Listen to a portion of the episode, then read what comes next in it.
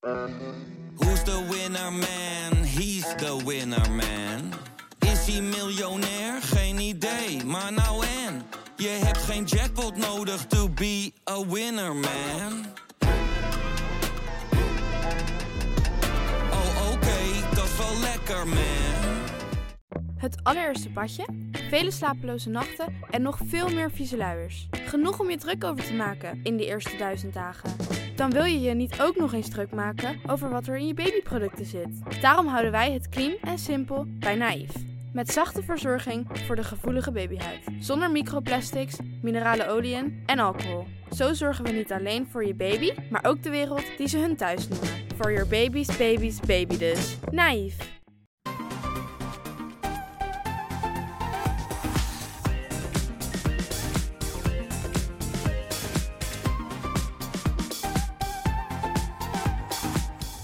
Welkom bij de Bright Podcast van woensdag 26 april over de trending topics in tech. Ik ben Tony en hier vandaag aan tafel zitten Erwin Hey. en Bastiaan. Hallo. Bastiaan is onze game-expert. Dat komt fantastisch uit, want er is heel veel game nieuws eh, deze week. De Nintendo Switch die heeft namelijk niet langer het rijk alleen.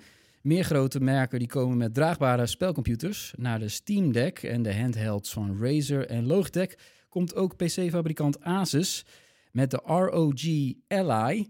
Een Windows game PC, maar dan op handformaat. Bastiaan die eh, praat ons daarover bij. En hij speelde deze week ook als een van de allereerste in de wereld de nieuwste Zelda-game. Ja, daar worden we enthousiast van. Daar hoor je straks alles over. Eh, verder in het technieuws deze week. Het kabinet steekt honderden miljoenen in het stimuleren van tweedehands elektrische auto's. En de plannen van Apple voor twee nieuwe apps. We gaan beginnen.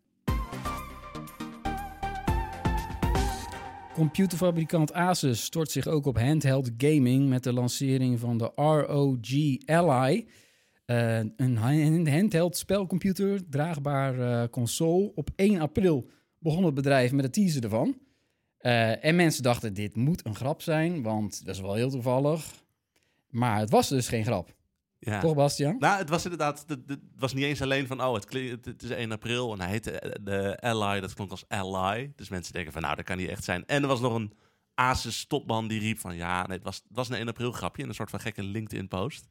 Maar dat scheen allemaal gewoon niet zo te zijn. Het bestaat gewoon echt, dus het is gewoon, het, het is een ding. Ja, want je hebt een eh, online presentatie bijgewoond. Zeker. Maar we hebben hem nog zelf nog niet in de handen gehad. Dus hij is, hij is half aangekondigd. Maar dat doen wel Klopt. meer fabrikanten. We zitten er nog achteraan, dus we moeten hem nog een keertje gaan testen. Maar we weten nu eigenlijk alleen eh, wat het idee is. En het is eigenlijk, het ziet eruit als een Nintendo Switch. Een slagje groter eigenlijk ongeveer wel. Eh, maar aan de binnenkant is het, gewoon- het is eigenlijk gewoon stiekem een gaming laptop. Dus het draait gewoon Windows op, je kan er PC games op spelen. Het is eigenlijk gewoon een gaming PC. Ja, de Asus die komt hier nu mee nadat er andere fabrikanten, daar hadden we het net al over, die, die, die hadden ook dit soort eh, draagbare spelcomputers. Eh, is het wel, ja, is dat nou een logische stap om zoiets eh, te lanceren? Ja, Valve heeft daar de laatste tijd echt heel erg de markt voor eigenlijk uitgedelft. Want de, de Steam Deck kwam een paar jaar geleden op de markt. Die heeft het ontzettend goed gedaan. Heeft een hele lange tijd wachtrijen gestaan om hem überhaupt te krijgen. En dat was eigenlijk gewoon hetzelfde idee. Van, het zag er ook uit als een soort van uit de cloud gegroeide Nintendo Switch. Maar het was gewoon een hele open, vrije game PC. Waar je dus gewoon al je PC-games die je ooit in het verleden hebt gekocht, gewoon op kon installeren. En, en daarbij merkten ze opeens van, oh wacht, daar is een hele grote markt voor. En daar springen dus nu steeds meer bedrijven op in. Waarbij Asus nu eigenlijk wel de meest prominente is die de concurrentie aangaat. Ja, maar die Steam Deck, die heb jij, die heb je hier liggen. Ja. Erwin heeft er ook al even mee gespeeld, want eh, we hadden hem zelf nog niet. Ik was Eh, benieuwd, ja. Ja, daar, daar, die gaat richting de later dit jaar iets van 3 miljoen verkochte exemplaren. Kijk, Ja. dat is, zijn toch wel aardige aantallen. Ja, en het zou denk ik dus meer kunnen zijn. Want als je, het is nog maar een paar maanden zover dat als je hem bestelt, dat je hem ook direct krijgt. Het is echt een lange tijd geweest. Je moest je echt maanden wa- wachten nadat je hem had gereserveerd tot je hem kreeg. Dus ze hebben eigenlijk gewoon zo snel verkocht als ze ze konden produceren. Maar trouwens, Bas, want wat ik me wel afvraag... ehm, kijk, de, de, je, hebt, je hebt console games en je hebt PC gaming. Ja. En dat zijn toch best wel gescheiden werelden. Ehm, niet alleen qua, qua cultuur misschien zelfs. En, en, maar bijvoorbeeld ook de interface, de bediening. Je zit natuurlijk bij console games altijd met de joysticks. Ja. Eh, Of eh, pads, of hoe ze dan heten, of Joy-Cons, of ja, enzovoort. Terwijl ja, PC, dat is natuurlijk het domein van eh, de muis en, eh, en het toetsenbord. Ja, dat is eh, natuurlijk En gewoon... je hebt daar echt ja, diehard ja, ja. fans van. Maar dat op zo'n handheld, zoals de Steam Deck en nu dan dadelijk die Ally, ja, komt dat eigenlijk op een rare manier samen. Want je hebt wel een D-pad en je hebt een dingetje. En, Ja. Maar het zijn PC-games. Precies. En je hebt natuurlijk een hele serie aan games die natuurlijk al gewoon voor de PC uitkomen. En gewoon bijvoorbeeld een controller ondersteunen. Die gewoon eigenlijk op alles uitkomen. Dus die draaien zoals je zou verwachten. Maar er is inderdaad nog een hele categorie aan games. Die is inderdaad gemaakt om met je muis en toetsenbord te spelen. Dat, is, dat kan je wel op een controller proberen te doen. Voelt net niet helemaal zoals je zou verwachten. En dat is voor Valve echt ook al jarenlang een soort van... eh, ja, dat, hun grote doel geweest. Hoe gaan we dat oplossen? Dus ze hebben ook een tijdje geleden hebben ze toen die Steam controller gemaakt. Dat was eigenlijk gewoon, het zag het was een soort van Frankenstein controller met twee van die hele grote laptop trackpads erop. Dat was een, een- een- een- met allemaal van die hap- haptische feedback. En dan scrollde je eroverheen en voelde het alsof je zo'n trackball bewogen, weet ik veel wat. Om gewoon die muis maar te simuleren en Ja. daar ideeën mee te doen. Want mensen, PC-gamers, zweren daarbij. hè? Ja, absoluut. Het Die is als jij ze eh, vinden dat je altijd sneller bent dan... En ik heb, het is voor mij ook een hele lange tijd... eh, is het een enorme drempel geweest bij console games. Eh, want ja, ik, kon, ik, ik was gewoon niet zo snel zoals op een computer. Nee, precies. En vooral bij shooters merk Ja. je dat heel erg. Zo'n muis kun je natuurlijk heel gericht op mee eh, Ja. iets doen. Terwijl zo'n pookje, ja, dan beweeg je kant op. Opeens kijk je de andere kant op. Ja, ik ben al aan alle kanten afgeslacht. er zijn ook wel games die dan inderdaad eh, voor PC en console uitkomen. En dan worden de consolespelers ook afgeslacht door Ja. de gasten die op de PC zitten te spelen. Dus nee, dat is wel, dat is wel een dilemma waar ze nog steeds bij zitten. En die Steam Deck heeft ook bijvoorbeeld eh, twee van die kleine trackpads. ja, dat zou ik net zeggen, ja. die, die, die doen wel. Er zitten een paar trucs in. Dus je hebt inderdaad die trackpads, daarbij kun je wel wat gerichter richten. En als je bijvoorbeeld bij een Steam Deck eh, je vinger op een pook laat rusten, dan kan je een game zo instellen dat de gyroscoop aangaat. Dus dat je die hele console kan Ah. bewegen om nog preciezer te mikken. Dat is even wennen, maar daarna is het echt gewoon de beste manier om shooters te spelen. Maar dat is de Steam Deck. En bij de, de Ally van Asus, dat soort trucjes zitten daar dan weer niet in. Dat is eigenlijk gewoon een, oh, Xbox controller om een console heen gebouwd. Dus daar moet je echt gewoon de ouderwetse controllerbesturing wel voor gebruiken. Ja, we hebben die, eh, die Steam Deck. eh, ja, die heb je eigenlijk. eh Erwin, jij hebt die nu voor het eerst een keer in handen eh, gehad. Ik, ik ook. Ik vond het best wel een, eh, een best wel lomp ding. Dat is de eerste nou ja, vergeleken bij een Switch. Ik, bedoel, kijk, Ja. ik heb al een paar jaar een Switch thuis. De eerste gewone, nu een OLED. Ja, dus het is wel een fijn apparaat. Hij is niet te groot. Ik- Nou, die Joy-Cons die zijn natuurlijk eigenlijk een soort belachelijk klein zelfs. Eh, het is echt een soort kindermaatje. Maar goed, ja, het speelt lekker. En dan krijg je ja, vrij, naar verhouding althans, lompe Steam Deck in je handen. Ja. Ja. Eh, Maar het, is een ja, het went ook wel heel snel, merkte ik hoor net. Ja, nou het is een ergonomieverhaal. Want die Steam Deck is gigantisch. Maar er zitten van die hele dikke handvatten aan de zijkanten. Dus in plaats van, kijk, als je zo'n Switch vasthoudt... Eigenlijk rust dat ding tussen je vingers en, eh, en- en op, de, op de palm van je hand, zeg maar, een klein stukje drukt hij erin. Terwijl die Steam Deck, die, daar grijpt je hele hand gewoon omheen. Dus het is blote wel, mannenklauwen. Ja, dus in de zeker. praktijk is het juist fijn dat die. voelt als een stuk gereedschap, ja, zeg maar. precies. Zeker. Nee, daarmee vergeleken, die Ally is een slagje kleiner, wat we zo eh, kunnen zien. Tussen de Switch en de Steam Deck ongeveer in, denk ik. Ja. Ja, en wa- wat zijn, wat zijn verder, zeg maar, de. Ik zag ook geen trackpads, hè, kleintjes. Nee, alle- echt alleen maar gewoon, eh, gewoon pookjes. En het ziet er echt veel traditioneler uit. Ik bedoel, de, de pookjes zitten ook eigenlijk gewoon precies op de plek waar ze op een gewone controller voor een console zou verwachten. Zoals je een Xbox Beetje een PS Vita van way back. Ja, ja, ja, ja. Ja, Ja, ja die, die, heb jij die ook gehad, de PS Vita? Zeker weten. Want jij bent wel van Nederland, zeg maar, koning handheld gaming. Hoeveel verschillende van die draagbare spelcomputertjes liggen bij jou thuis? Ik heb er thuis nu een stuk of twintig of zo. Dat is wel eh, een be- beetje is verzameldrift. een beetje uit de hand gelopen, toch? Ja, en ik heb ook een beetje de, de fout gemaakt. eh, dat ik had heel lang verlof toen mijn tweede kind werd geboren. Maar dat was een heel makkelijk kind. Toen dacht ik van, nou, ik heb een hobby nodig. Toen ben ik Gameboys gaan restaureren. Dus de- daar, daar ligt het hele huis bezaaid met Gameboys. Ja, wel lekker. Hey, we gaan even terug naar de, naar de Ally. eh, want de specs die zijn natuurlijk belangrijk. Eh, waarin verschilt het of is het beter dan die Steam Deck? Ja, er zit een. eh wel, het is een heel specificatieverhaal. Dus er zit een AMD Ryzen Z1-chip in. Dat is, nou, je moet het in de praktijk zien. Die is twee generaties nieuwer dan de chip die je vindt in een eh, Steam Deck. Het- alle- alles is ongeveer twee keer, hè, geloof ik. Ja, het is eigenlijk gewoon alsof je twee Steam Decks in één apparaat gepropt hebt. Ook als je Oh, de batterij Zo gebruikt. kunnen we eh, die kijkt. specs wel samenvatten, denk ik. Ja. Dat is niet slecht, toch? Ja, maar het is, het, is, het is kijken hoe het batterijverhaal is. Dus als jij zeg maar Ja. alles eruit trekt, dan gaat hij ook twee keer zo snel leeg. Nou, ik heb games gehad waarbij mijn Steam Deck binnen een uur eh, leeg is. Dat als mijn apparaat binnen een half uur leeg is, dan gaat het ook wel heel snel. En, Aan de andere kant, als je de bank zit, je hebt gewoon een stopcontact naast je, is dat op zich ook gewoon prima. en is die dan ook twee keer zo duur? Ja, dat is dus nu een beetje het lastige, hè? want ze willen de prijs dus nog niet zeggen. Oh, ja. Ze beloven wel dat het onder de 1000 euro zal blijven. Dan denk ik gewoon, Ja. dat gaat 1000 euro kosten. Ik mag het open voor ze. Ja, maar dat zal dus 999 euro zijn als je dat zegt. Oeh, ik denk niet dat ze er veel lager eh, onder De Steam Deck kost eh, 420. Ja, voor het goedkoopste model inderdaad. Dan heb je nog een paar iets duurdere, maar het loopt naar max 600 ongeveer op. Ja, dus als de prijs van de Li twee keer zoveel... Ja, dat is te duur toch eigenlijk? Het is, het is een heel duur apparaat. En het is eh, tegelijkertijd, als je het vergelijkt met gaming laptops van dit soort kracht, is het op zich niet eens zo heel gek. Eh, en je moet natuurlijk ook onthouden, Valve heeft natuurlijk een heel ander verdienmodel erbij. Hè? Valve die heeft gewoon de Steam Store, waar eigenlijk gewoon de marktleider, een beetje monopolist zelfs, eh, voor alle PC-games. Als jij een PC-game wil kopen, dan moet je die bij Steam kopen. Wat dus ook betekent dat alle games die jij op je Steam Deck wil spelen, bedoel, je kan ze wel via andere platformen halen, want het is een PC, maar in de praktijk ga je die allemaal gewoon bij Steam kopen. Dus zij kunnen die marges wat nauwer maken zodat vervolgens als jij een game koopt, eh, daar, daar verdienen ze toch wel weer geld aan. Ja. Als ik een Steam Deck hoop, heb en ik koop 100 games het komende jaar, dat, daar verdienen ze steeds aan. Terwijl Asus, die moet het puur op de hardware hebben. Dus die moeten gewoon een mooi apparaat aan jou verkopen en daarna is het klaar voor ze. Ja, maar goed, dat, dat- op zich... Kijk, je kan zeggen van... eh, dat, dat, het- je moet het in verhouding zien en het is relatief en la maar daar heeft de consument er eigenlijk geen boodschap aan. Nee, is ook zo. Ja, die, die, die, die de, de Razer Airts of zo, of die, die gekke Logitech, is dat, zijn die ook zoveel krachtiger? Zijn die ook zoveel duurder? Die zijn die niet verkrijgbaar, hè, trouwens? nee, Dat het zijn wat meer mobiele apparaatjes. Het, eigenlijk, eigenlijk zijn het gewoon smartphones met controllers eromheen gebouwd. Ja, dat is echt zo'n hype die, eh, eigenlijk. Is zo'n hype die uit China is overgevlogen. Daar zijn allemaal van die eh, beetje niet helemaal legaal in de haak eh handhelds aan het maken waar je Oh oude ja, games dat- op kan die- emuleren. Die soort, ja. Maar ze hebben in China toen ontdekt van ja, wacht, we kunnen gewoon die oude chips, die zijn daar sterk genoeg voor. We doen een controller omheen, we verkopen het met een marge. En dat is super succesvol. En dat zagen ze bij Logitech en Razer ook. Dus die zijn dat ook gaan doen. En die kunnen ook wel wat eh, smartphone games draaien die met controllers werken. Maar eigenlijk worden ze denk ik bij Logitech en Razer voor gewoon gebruikt om te streamen. Dat je een streamingdienst hebt als Nvidia Oh, ja. met eh, GeForce Now. Dat je daar wel PC-games uit haalt, maar dan speel je eigenlijk alles vanuit de cloud. Dus dat draait helemaal Maar- niet lokaal. Dan, dan eh, als die prijs van die Ally dadelijk op, eh, wat is het dan, 800, 850, eh, misschien wel ne- 999, wat jij zei. Allemachtig, hé.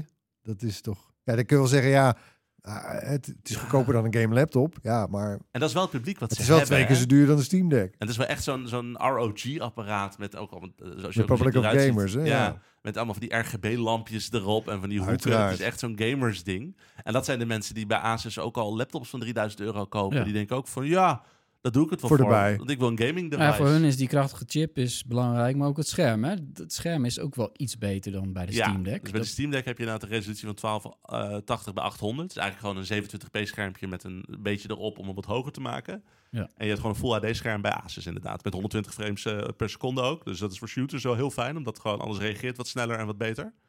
Eh, En dus beide zijn wel ja. 7 inch. Dat is het Allebei formaat. 7 inch Ja. inderdaad. Ja. Maar die, die verversing is dan wel beter, dus dat is wel fijn. Bedoel, ja, Ja. of het zoveel extra honderden euro's waard is. Er is een groep mensen niet, waarvoor maar- het het waard is. Maar Ja, ik denk precies. inderdaad, maar de massa van een Steam Deck of een Nintendo Switch, die gaan ze niet bereiken. Maar dat is denk ik ook het doel niet. Dit is echt Maar- gemaakt voor die, voor die super hardcore gamer die per se zo'n apparaat wil hebben. Hey, en op, zo, op die Ally, we, ja, we gaan het dadelijk zien, maar daar zou je dan, hè, wat je net beschrijft ook, kun je daar dan Steam op installeren, eh, zodat je je game kunt, games Ja, kunt spelen? dat is het idee. Want er staat gewoon Windows 11 op. Je, je zou hem ook Oh, kunnen ja. aansluiten en gewoon Office erop kunnen zetten en gewoon lekker gaan werken op deze handheld. Dat eh, hang je met een monitor, dan hang je een Bluetooth toetsenbord eraan. Dat zou zelfs kunnen. Maar het idee is natuurlijk eigenlijk vooral, je zet er gewoon Steam op en je koopt je games bij Steam. En daar hebben ze nog wel een streepje voor op de Steam Deck. Want de Steam Deck is een PC, maar die draait op, ja, op een versie van Linux, dan met SteamOS en dat soort dingen. En die heeft allemaal van die technische lagen om te zorgen dat games daar toch, Windows games daar toch op draaien. Maar omdat het bij Steam een beetje zo hacky in elkaar zit, er zijn een paar games, noem een Destiny 2, eh, die draaien daar dus niet op. Want er zit van die anti-cheat software in, dit werkt dan weer daar niet mee.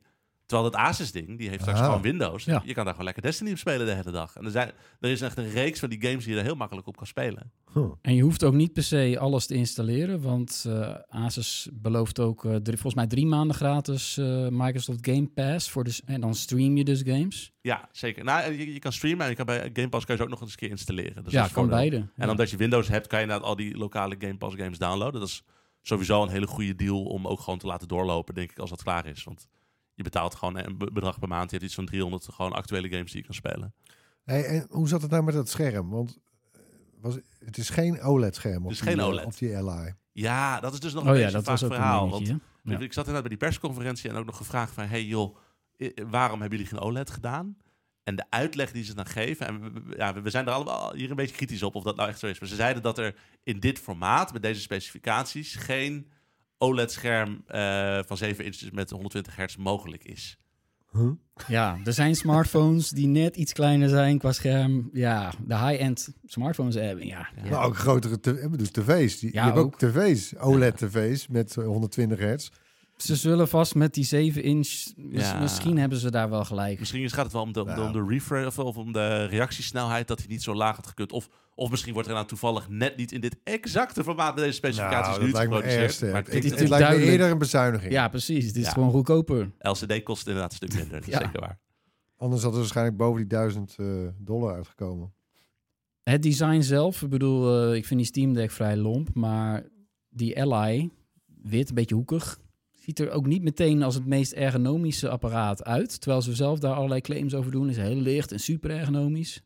Ja, nee, het is, het is, je moet het natuurlijk nog vooral aan de hand weten voor je het weet. Want bij de Steam Deck had ik ook vooraf van dat gaat echt niet lekker voelen. En dat was eigenlijk best wel goed te doen. Maar het is gewoon qua look, het is echt zo'n PC-gamers ding met lampjes en hoeken en weet ik veel wat. Echt een soort van aesthetic voor een heel, heel specifiek publiek. Maar het is, het is niet mijn smaak.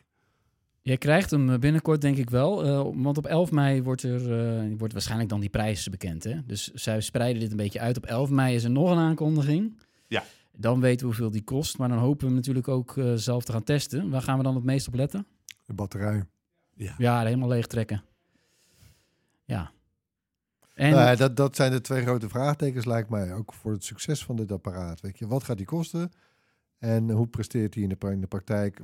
Lees, eh, hoe snel is die ook leeg, bijvoorbeeld? Ja, precies. Hoe makkelijk kan men de trein mee? Eh, je wil natuurlijk gewoon weten van als ik nu de nieuwste Call of Duty koop, kan ik er een treinrit mee gaan gamen? Of zit ik eigenlijk gewoon de hele dag gewoon aan het stopcontact eh, thuis aan de muur? eh, Heb je gamen? een, een rugzak vol met powerbanks bij? Ja, precies. Dat moet je weten, denk ik. Zeker. En ja, is er nog ruimte dat de andere eh, fabrikanten van game eh, PC's, dat die hier ook nog mee komen? De concurrenten van Asus? Of is het nou wel van, nou, eerst maar zien of dit nog wat wordt? Nou, het is nu. eh, Ik denk dat er op termijn. Er zijn nog niet echt geruchten dat er nu een, een, een Razer-ding of een Acer-ding of weet ik veel wat komt eh, op dezelfde manier. Maar we zien nu wel dat die markt gewoon opeens heel relevant begint te worden. Asus is zeker niet de laatste die hier een gooi naar gaat doen. Dat zou me verbazen. Dus ja, voorzichtige eerste inschatting of, het, eh, of de Ally een blijvertje gaat worden of niet. Het is vroeg, maar ja, we moeten voorspelling doen, hè? Volgens Ja. mij is er wel een markt voor. Maar ik denk dat ze het nog best eh, knap krijgen. Of eh, ja, moeilijk krijgen om, om de Steam Deck echt naar de kroon te steken. Nou, maar ik denk juist dat ze het slim hebben gedaan door. Ik denk dat ze het niet met de Steam Deck willen concurreren. Het is Hmm. echt gewoon, ze gaan Hmm. denk ik echt bewust inderdaad op die hoge prijs zitten. Gewoon meer het premium alternatief voor een Steam Deck. Voor die hele kleine subset aan gamers. Ik denk dat ze daar best. eh, ze gaan lekker aan de top zitten. We gaan er binnenkort mee aan de slag. Tijd voor ons hoorspel. Eh, Dit was het geluid van de vorige keer.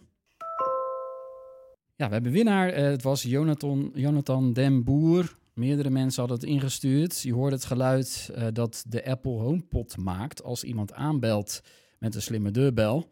Vooral bij Erwin denk ik thuis een heel erg vaak voorkomend eh, Hoezo? geluid van vanwege alle pakketjes. De dingen die jij Heb moet je dit zo'n testen. Pavlov-reactie? Dat je dit nu hoort en denkt van... Oh, er staat iemand aan de deur. dong. Maar Ja. dat, dat gevoel dat je nu eventjes wil kijken wie er bij de deur staat. En, oh nee, wacht, ik ben op kantoor. Eh, nou, ik heb ook, ik heb wel inderdaad allerlei apps ook die ik gebruik om in de gaten te houden of eh, waar pakjes zijn. Ja, ja nee, ik, krijg- ik krijg er wel redelijk wat. Ja, klopt. Hm. Een hoop gaat terug, hè? Bijna alles gaat terug trouwens. Ja, dat is ook zo. Dus ehm, het is gewoon weer tijd voor een nieuw geluid. Daar komt die. Een nieuw geluid. Ja, we laten die altijd twee keer horen. Geen hints, nog dat niet. Maar Nee. komt die, nee, dat niet. Komt die nog een keer. Als je denkt te weten wat dit is, stuur je antwoord naar podcast.bright.nl. Onder de mensen die het juiste antwoord insturen, zoals dus Jonathan den Boer, verloten we het gewilde Bright T-shirt. Het kan wel eens de game van het jaar worden. The Legend of Zelda Tears of the Kingdom. Bastiaan, ja, een van de eerste in de wereld en zeker in Nederland eh, ben jij die al met de nieuwe Zelda game eh, heeft gespeeld. Hier kijken Nintendo fans echt al best wel lang uit, hè? Ja, 2000, we hadden in 2019 hadden we al de eerste trailer. Hè? En dat was nog Zo. zo'n vage teaser van er komt een nieuwe game. En sindsdien, we zijn eigenlijk gewoon al vier jaar lang zijn we naar hints aan het zoeken. Alleen maar van wat, ga, wat gaan ze doen? Het spel op zich. ja, absoluut. Ja, want het was in het begin ook eigenlijk helemaal nog niet helemaal heel duidelijk of het dan een soort volwaardige sequel zou zijn of dat het weer een heel andere soort Zelda zou zijn. Of Nee, precies. En dat is ook gewoon, dat is ook eigenlijk, eigenlijk gewoon de lol van de nieuwe Zelda. Omdat het kan altijd zoveel gekke, totaal andere kanten op. Het is niet als een, als een- als een FIFA dat er gewoon sowieso ieder jaar eentje uitkomt dat ongeveer hetzelfde doet. Maar ja, we, we weten het gewoon niet. En dat is gewoon dat. En dat is ook de grap. Het is nu 2023. We weten nog, we weten nu al wat meer, maar zo heel veel weten we Nee, van verhaal. Geen idee wat er gaat gebeuren. nee. Maar waarom is Link weer terug? We- we- wa- waarom zie je Ganon in die trailers? Want die zat er helemaal, deze, die zag er totaal anders uit in de vorige game. Wat, wat, wat de fuck gebeurt hier allemaal? Ja. Het is, Maar jij hebt er dus wel... ehm, ja, hoeveel uur heb je ermee kunnen spelen? Eh nou, bij elkaar opgeteld een uurtje eigenlijk. Ah, een uurtje. En Dus- nou ja, dan krijg je een... je kan niet overal naartoe in de game. Er zit iemand die zit achter jou mee te kijken wat je aan het doen ja, bent, dat is de grap. Want ik, ging dus, ik moest hiervoor naar Frankfurt op en neer. Dus ik dacht van, nou weet je, al die vragen die ik heb over wat deze game wordt, die gaan vandaag beantwoord worden, dacht ik. Dit is het moment dat ik ga ontdekken wat er in de nieuwe Zelda zit. En dan zit er inderdaad zo'n jongen naast je. En, die- en dan probeer je ergens heen te lopen. zegt hij van, ja, ga toch maar naar links. Daar mag je eigenlijk nog niet heen. Nee, oeh, niet dat kistje openen, daar zit iets in, dat is nog een geheim.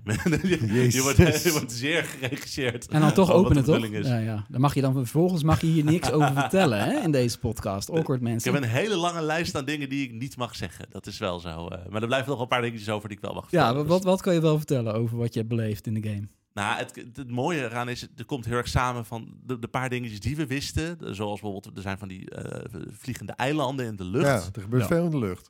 en je kon zeg maar, en wat we in de laatste trailer zagen, was dat je eh, dingen kon bouwen. Dat je echt voertuigen in elkaar kon zetten. Dan vind je bijvoorbeeld ergens een ventilator, eh, of twee ventilatoren en wat vleugels. Dat hang je aan elkaar en opeens heb je een vliegtuig in de lucht in te gaan. En wat bij die demo heel duidelijk wordt, is dat die systemen, die zijn echt gewoon met elkaar bedacht. Want die eilanden hangen in de lucht. Maar het is dus niet alsof je zeg maar... eh, de meeste games zou je bijvoorbeeld gewoon een draagbaar vliegtuigje geven... waarmee je dan naar zo'n eiland kan vliegen om daar even de game te spelen. Maar dat is hier niet zo. Je moet iedere keer bedenken van... wat voor Er middelen heb hangt ik geen me? touw, er is geen roltrap. eh, Je moet echt verzinnen, hoe kom ik daar? En dat is gewoon de halve lol. Dat je gewoon een beetje dingen bij elkaar improviseert. Je hakt wat bomen om, je bouwt eh, een luchtballon om ergens te komen. En dan, oh, dan ga ik vanaf daar, dan spring ik daar weer naar beneden. En dan ga ik met zo'n glider. De, gewoon, de lol is eigenlijk gewoon om te vinden hoe je ergens nu kan komen. Apart. Eh, hoe groot, schat eens in hoe groot eh, ja, de virtuele wereld is van deze game. Als je niet overal mag komen, zoals je net zei. Nou, je mag wel overal komen, maar je moet er gewoon heel veel moeite... Of eh, nou, toen ik bij de demo was, toen, Ja, mocht ik, toen mocht ik nog nergens komen. Nee. Nee, kijk, het is wel de, de originele wereld uit Breath of the Wild, die is het dus nog wel. Dit is wel echt letterlijk bovenop die oude wereld gebouwd met die luchteilanden ook boven. Ja. Dus je hebt het oude gebied, waar natuurlijk wat een en ander veranderd is. En er zijn weer andere dingen te doen. En daarboven nog die eilanden. Dus in theorie zou je met enig optimisme kunnen zeggen dat die dubbel zo groot is. En dan was Breath of the Wild echt al een gigantische game. Daar kan je Zo, honderden ja. uren kan je daar spenderen en heb je nog steeds niet alles gezien. Dus Ja, het wordt, het wordt gewoon giga. Absoluut. dus gewoon eh, ja, enorm. Eh, Maar het is, ik- want in Breath of the Wild, ik ben ergens blij. Ik zou het nooit op, nog een keer willen spelen, denk ik. Want het is echt gewoon... hoeveel uur, hoeveel uur ben je daar kwijt geweest? Ja, ik, ben, ik heb daar toen gewoon de hele zomer heb ik dat gespeeld. ja, ja. gewoon echt Ja. maanden. Ik ken mensen die spelen dit sinds 2017 nog steeds. Die starten nog steeds een Oh, paar keer per week op. Ja. Nee, op een gegeven moment was ik er klaar mee. En dan, moet je, dan ga je ook met, eh, eh, hoe heet die ook weer? Gadden, Golden? Eh, Ganon, ja. Ja. Dan, je kan dat uitstellen natuurlijk. Dat je, als je tegen hem, want als je tegen hem gaat vechten, dan daarna is het wel een soort van klaar. Eh, ja, op een gegeven moment ook een soort om jezelf te verlossen. ben ik dat maar gaan doen. Kan je hem afvinken, inderdaad. Maar ik vraag me wel af of, of dan, als het toch dezelfde wereld is. Want op een gegeven moment dan kon je ook, ja, deels uit verveling, maar deels ook omdat het leuk was. Maar kon je dan eh, je huis bouwen. Ja. En dan kon je al je trofeeën aan de muur hangen en zo. En, oh, wat een, wat een, wat een nerdspeak dit eigenlijk. Echt game nerdspeak dit, heerlijk. Je spreekt Maar taal. Ga verder. En dan de, eh, of dat huisje er nog staat, dat vraag ik me dan af. Oh, dat je hem kan importeren, zeg maar, uit je als- oude of, game of, of zo. die ook zeg maar on top of je Breath of the Wild gaat. Oh. Of die dat herkent of ziet. Nou, vast niet. Ik weet het niet, maar ik heb ook theorieën gelezen. Ik- weet dus niks van het verhaal, want die demo... Ik heb geen enkele cutscene gezien. Dus ik werd gewoon in Oh. die wereld gedropt en ik ging maar spelen. Maar er zijn theorieën dat je ook weer naar het verleden gaat. En dat je zeg maar honderden jaren voordat Ganon voor het eerst uitbrak gaat spelen. En dat dat misschien... En dan is je huisje er niet meer. Maar dan... eh, zijn er wel allemaal hele coole dingen die je dan wel weer wel kan zien. Vast. Nog eventjes de, ja, het belang van deze game release. Want hij verschijnt eh, op 12 mei al, Ja, ik. ja. Het is natuurlijk een, Zelda's zijn een paar van de. Kijk, het is niet Nintendo's grootste game, dat is Mario.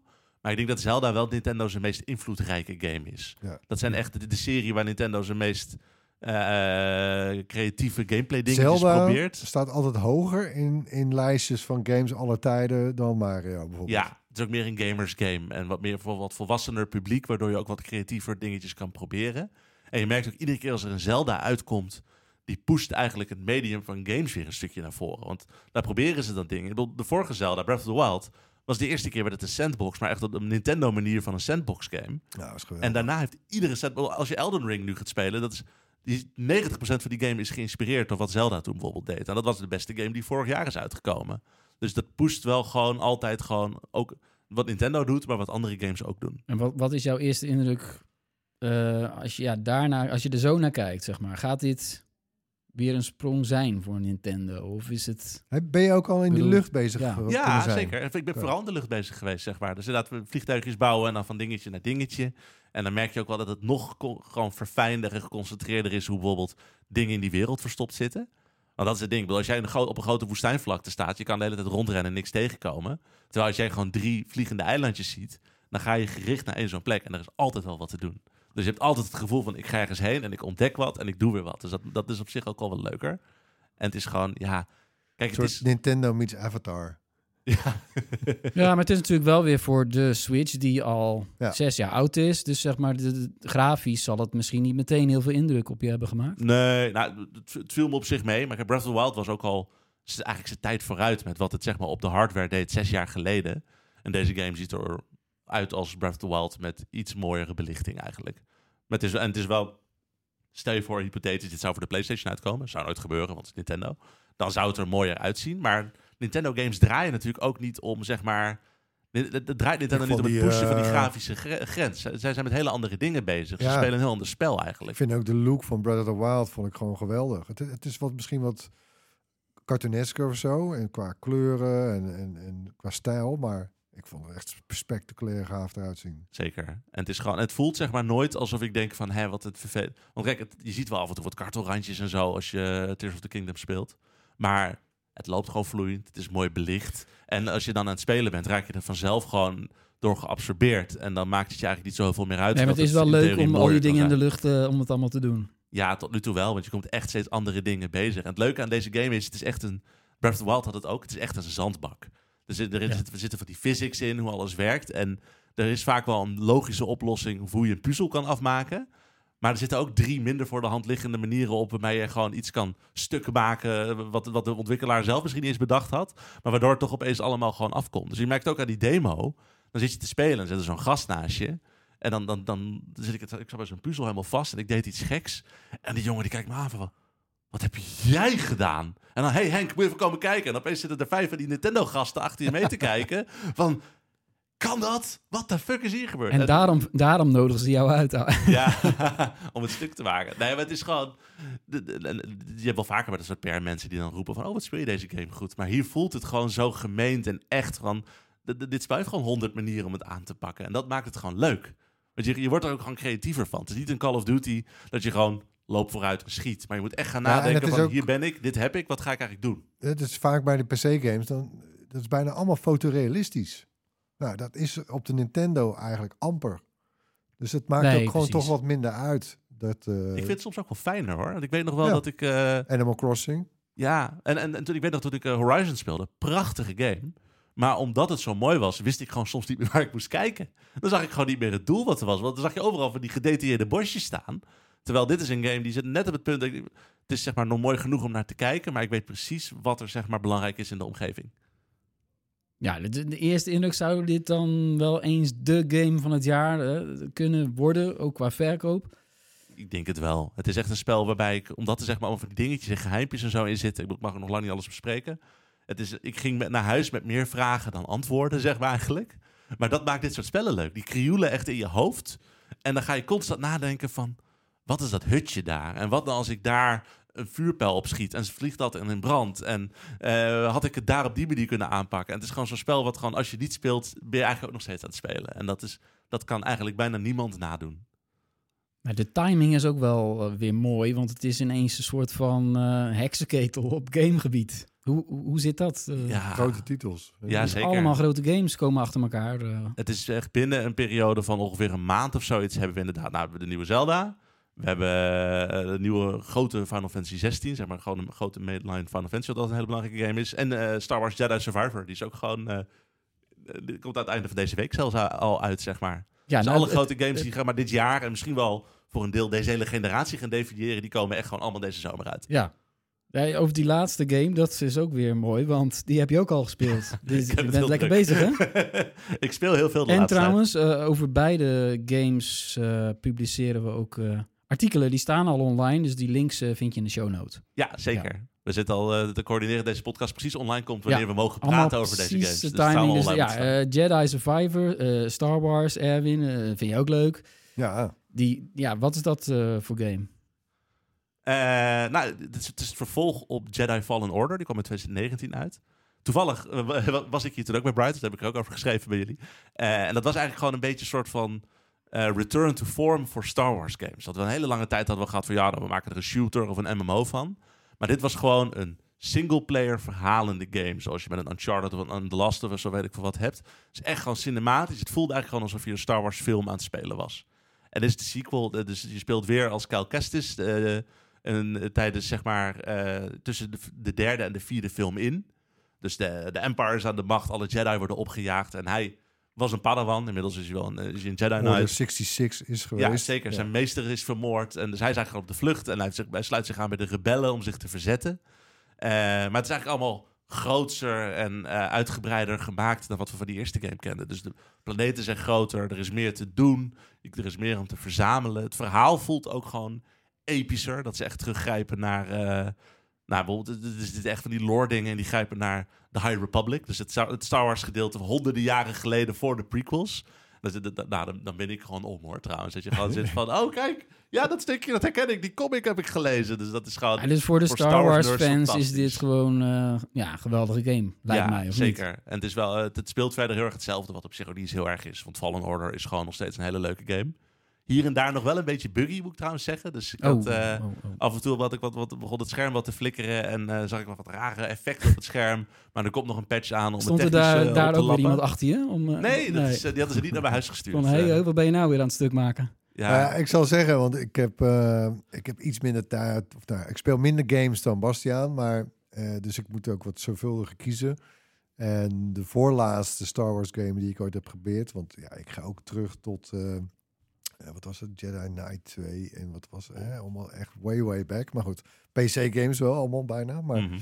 eh, en het was Battle, Battlefront 2, Star Wars Battlefront, Battlefront? Battlefront Battlefield. 2. De, de, de, de nieuwe of de... Nou ja, die voor hiervoor. Ja, precies. De, de Battlefront 2 was dat. moi, ja. moi, moi. Ja. Dus daar raakte ik een beetje, toen raakte ik het spoor een beetje bijstuk bij, bij Star Wars games. Maar goed, toen ik ook de eerste teaser van Fallen eh, van eh, Jedi Survivor zag, eh, denk ik van, oh, hey, wacht eens even. Dus toen ben ik die Fallen Order, het eerste deel Oh. eigenlijk, met die Call Cases gaan, gaan checken. Die heb ik afgelopen najaar gespeeld. Mhm. Heerlijke game, man. ja. Ja, je vliegt er een beetje. Het is een beetje een Uncharted. Het is, het is geen open wereld. Hè. Je wordt wel gestuurd. Je vliegt er een beetje doorheen. Maar ja, en gaandeweg je krijg je je lightsaber skills worden lekker opgevoerd. Je krijgt twee lightsabers. En het is echt, ja, het was echt, eh, echt een hele fijne game. Ja, het, het en in het single player, dat ja. Ik, ik- volgens mij, ik weet niet, op een gegeven moment. Dat, ik denk dat er bijna ook een soort waterscheiding is tussen mensen die online gamen en, en daar relatief veel tijd in stoppen, denk ik. En mensen die gewoon af en toe graag willen gamen, maar en gewoon een beetje meer story-driven. En een dilemma is ook een beetje dat die mensen die online gamen, dat is financieel een betere markt als gamebedrijf op je, om je op te richten. Terwijl wat ik zelf altijd leuker vind, is geef mij gewoon een grote verhalende singleplayer game. Al helemaal als het om Star Wars gaat. Want dit voelt, ja. met Fallen Order, het is ook gewoon alsof je een, een tussenfilm speelt, zeg Ja. maar. En gewoon lekker een stuk- stukje verhaal erbij en je voelt je betrokken en als het af is, is het af. Ja. Maar dat is en, en EA is dat zich ook een beetje bij Star Wars gaan beseffen. Misschien hebben ze ook op hun kop gekregen van Lucasfilm dat ze zeiden van nou maak maar iets wat meer lijkt op wat we doen. Maar het werkt echt supergoed. En het is gewoon, en ja, nou, Survivor doet dat nog meer dan dat. Als je Fallen Order leuk vindt, dan ook al zitten er wat technische dingetjes hier en daar in, dit ga je ook fantastisch vinden. Dat moet wel. Ja, want EA, eh, de gamemaker, die heeft een exclusief contract hierover met Lucasfilm. Maar het wordt wel belangrijk dat dit een succes wordt, denk ik, want het contract loopt af. Ja, en ze moeten sowieso een aantal games altijd blijven maken. Ik denk wel dat het verlengd gaat worden hoor. Dat, dat zou heel gek moeten gaan. Dan zou Jedi Survivor opeens niet moeten verkopen, wat ik heel raar zou vinden. Ja. Maar ze hebben nu, dit geeft ze kritisch, eh, qua critici is het gewoon zo'n gigantisch succes met de vorige game al geweest. En deze, daarom spelen ze natuurlijk ook gewoon een beetje op safe met deze, dat ze niet altijd veel gekke dingen gaan doen. Hij verschijnt uh, vrijdag al, hè? Ja, zeker. Ja. Komt wel Hey, bijna en, uit. en weet je nog iets over, ja, die, niks spoilen natuurlijk, maar misschien wel iets teasen. Want aan het einde, ik zal, ik zal hem ook proberen in te houden, maar aan het einde van Jedi Survivor, zo, dat was natuurlijk wel een hele leuke verrassing in dat spel. Ja, ik wat je je speelt in een Star Wars game, allemaal onbekende characters op het eerste oog. En die leer je dan Mhm. gaandeweg wel kennen en zo. Maar aan het einde is dat opeens een hele grote Er verrassing. zit hè? een enige explosie zit er op het einde, inderdaad. het is wel... eh, nou, wat Fallen Order op zich wel leuk deed, maar dat zit in Survivor wel anders. Fallen Order was echt een game die heel- nog meer inhaakt op wat er bijvoorbeeld in de films en in de series al gebeurde. Mm. Met de Inquisitors die achter je Ja. aan zaten en zo. Dat was echt gewoon heel erg Clone Wars en Rebels en weet ik veel wat. Ja. En eh, ook met Kenobi eh, natuurlijk nog. Daar zaten ook wel Inquisitors en zo in. Die leende eigenlijk gewoon heel erg veel van Fallen Order weer op hun beurt. Ja. En het zit wel een beetje in het begin van deze game met, eh, met Survivor, maar ze, ze banen meer een eigen pad. Ze gaan echt naar een eigen Hmm. hoekje van het universum op een bepaald punt waar ze iets doen wat ik heel cool vind. En ik wil het ook niet spoilen, dus, dus, eh, dus als je meer wil weten, kan ik ze na de podcast vertellen, maar laten we het op safe spelen voor de luisteraars. Maar dat je echt zit van, oh, dit is cool. Maar dat je ook zit te denken van, oh, ik heb eigenlijk al heel lang geen eh, Inquisitor of zoiets gezien. Dat Ja, gaat ja, wel een beetje ja. een andere kant op. Oké, nou. Bastiaan, jouw review die staat gewoon as Ja. we speak online. Ja, Eh, kun je gaan lezen. De game verschijnt dus eh, op vrijdag voor de PS5, Xbox Series X en S en voor Windows. Tijd voor ons rondje korte nieuws. Eh, Apple's plannen voor twee nieuwe eigen apps zijn uitgelekt. Een dagboek-app en een coachingdienst eh, wat gaat over gezondheid en welzijn. De nieuwe dagboek-app van Apple wordt dan onderdeel naar verluid van het aanstaande iOS 17. Eh, ja, dit najaar wordt die verwacht. Gebruikers kunnen dan dagelijkse activiteiten bijhouden met die app. En die app moet ook gaan bijdragen aan de mentale gezondheid zonder. Lijkt mij eigenlijk wel slecht nieuws voor de bestaande dagboek-apps. Want die zijn natuurlijk, die zijn er. Hè. Day One eh, schijnt een hartstikke populaire app te zijn. En dan Ja. gaat Apple ineens met jou concurreren. Volgens mij eh, zijn die appmakers zich eh rot Dit is een worst nightmare. Ja, er is zelfs een term voor als dit gebeurt. Hè? Ja. Dan word je gesherlocked, noemen ze Ja. dat. eh, omdat dat echt twintig jaar geleden bij de Mac-app Sherlock en Watson en zo gebeurde. Ja. Dus nee, die, eh, die, die, die kunnen eigenlijk wel stoppen straks. Ja, die andere app, dat zou dan Quartz gaan heten met een Q. Eh, een Apple-dienst die gebruikers moet gaan coachen om gezonder te leven. Je krijgt dan suggesties en aanmoedigingen om meer te sporten, gezonder te eten, beter te slapen. Eh, Quartz zou dan eh, AI gaan gebruiken, data van de Apple Watch en andere gegevens. En dat zou dan een betaalde dienst worden, net zoals bijvoorbeeld Fitness Plus. En de aankondiging wordt verwacht in juni tijdens het grote Apple-event WWDC. Eh, die zag ik niet meteen aankomen, zo'n zo'n gezondheidscoach.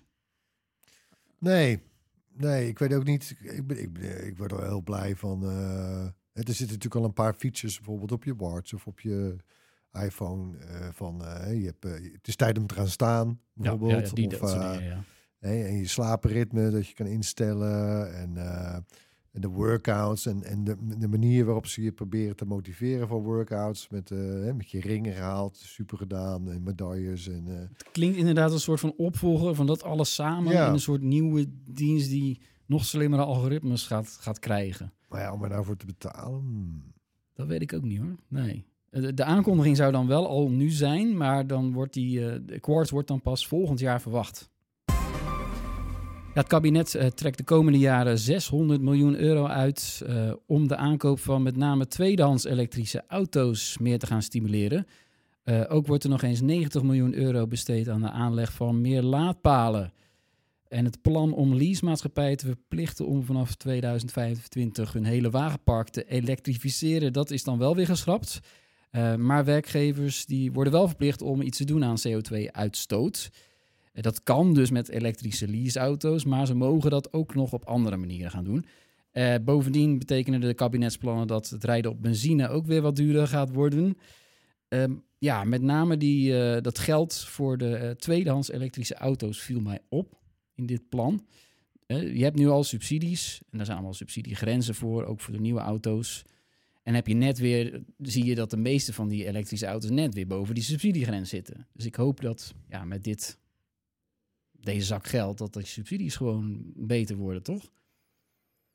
Nou ja, ik hoop, nou, ik hoop wel dat ze die grens blijven hanteren. Want anders ben je dus alleen maar gewoon een soort eh, de privileged alweer aan het helpen nog eh, om een no- nog du- Ja. duurdere stekkerauto te Ja, want bij de nieuwe auto's was die subsidiegrens 45.000.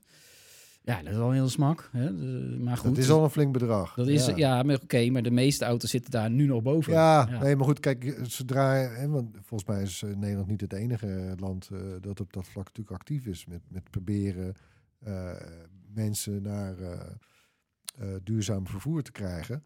Eh, dat als in diverse landen, bijvoorbeeld in Europa, eh, die grens gewoon zeg rond 40, 35.000 eh, euro ligt, ja, dan wordt het ook interessanter, denk ik wel, voor autofabrikanten om. Want als, weet je, ik bedoel, als je dan een auto maakt, dan boor je zo'n enorm publiek aan. Ja, ja, en de tweedehandsmarkt is nu, ja, is gewoon, moet eigenlijk nog op gang komen. Maar dat wordt, is gewoon super belangrijk. Dat weten Nou ja, we het, is, het is nu eigenlijk alleen een Nissan Leaf, tweedehands, Ja. die, eh, Ja. die interessant is. maar bij normale auto's een tweedehands. Tesla bijvoorbeeld is nog steeds gewoon peperduur eigenlijk. Ja. Dus dat moet allemaal, ja, dat moet goedkoop worden. Eh, laadpalen, daar zijn wij juist in Nederland koploper in Europa van. Ja. Maar kennelijk moet er toch nog 90 miljoen. eh, is Zelfs ik, ja, ik heb er zelfs al eentje. Ja, dat is grappig. Jij hebt al een laadpaal terwijl je geen elektrische auto hebt. Ja, toch? Waarom? Ja. Waarom heb je Ja, dat gedaan? nou, daarover binnenkort meer. Oh, dat, is, dat klinkt als een, als een teaser. Ja, tot slot weer eh onze rondje wekelijkse tips. Bij wie zullen we beginnen? Mm, Erwin maar dit keer. Dank je. Ja, nee, mijn tip voor deze week, eh, nou ja, ja, nee, toch wel. Eh, dat is de eh, nieuwe iOS-app van Runway. Dat is zo'n AI-startup. Nee, net zoals Midjourney, OpenAI. Nou, is OpenAI nog een startup? Nee, nou ja, anyway. Zo'n AI-speler. Trouwens, let wel even op, je moet zoeken in de App Store op Runway ML van Machine Learning, weet je wel. Ehm, Runway doet ook mee aan de, aan de generatieve AI-race, zeg maar. Die is losgebarsten, maar is dan wat meer gespecialiseerd in beeld en met name video. En in die nieuwe app, dat kon je ook al op hun site doen, maar dat is nu ook in appvorm. Dan kun je met hun zogeheten Gen 1, hè, een eerste generatie eh, tool, eh, spelen. Eh, en dat is een tool om bestaande video's te bewerken. Ah, Dus in, dit, in dit verband, hè, je downloadt die app, je schiet een filmpje via die app. Met de camera van je smartphone, van je iPhone. Ja.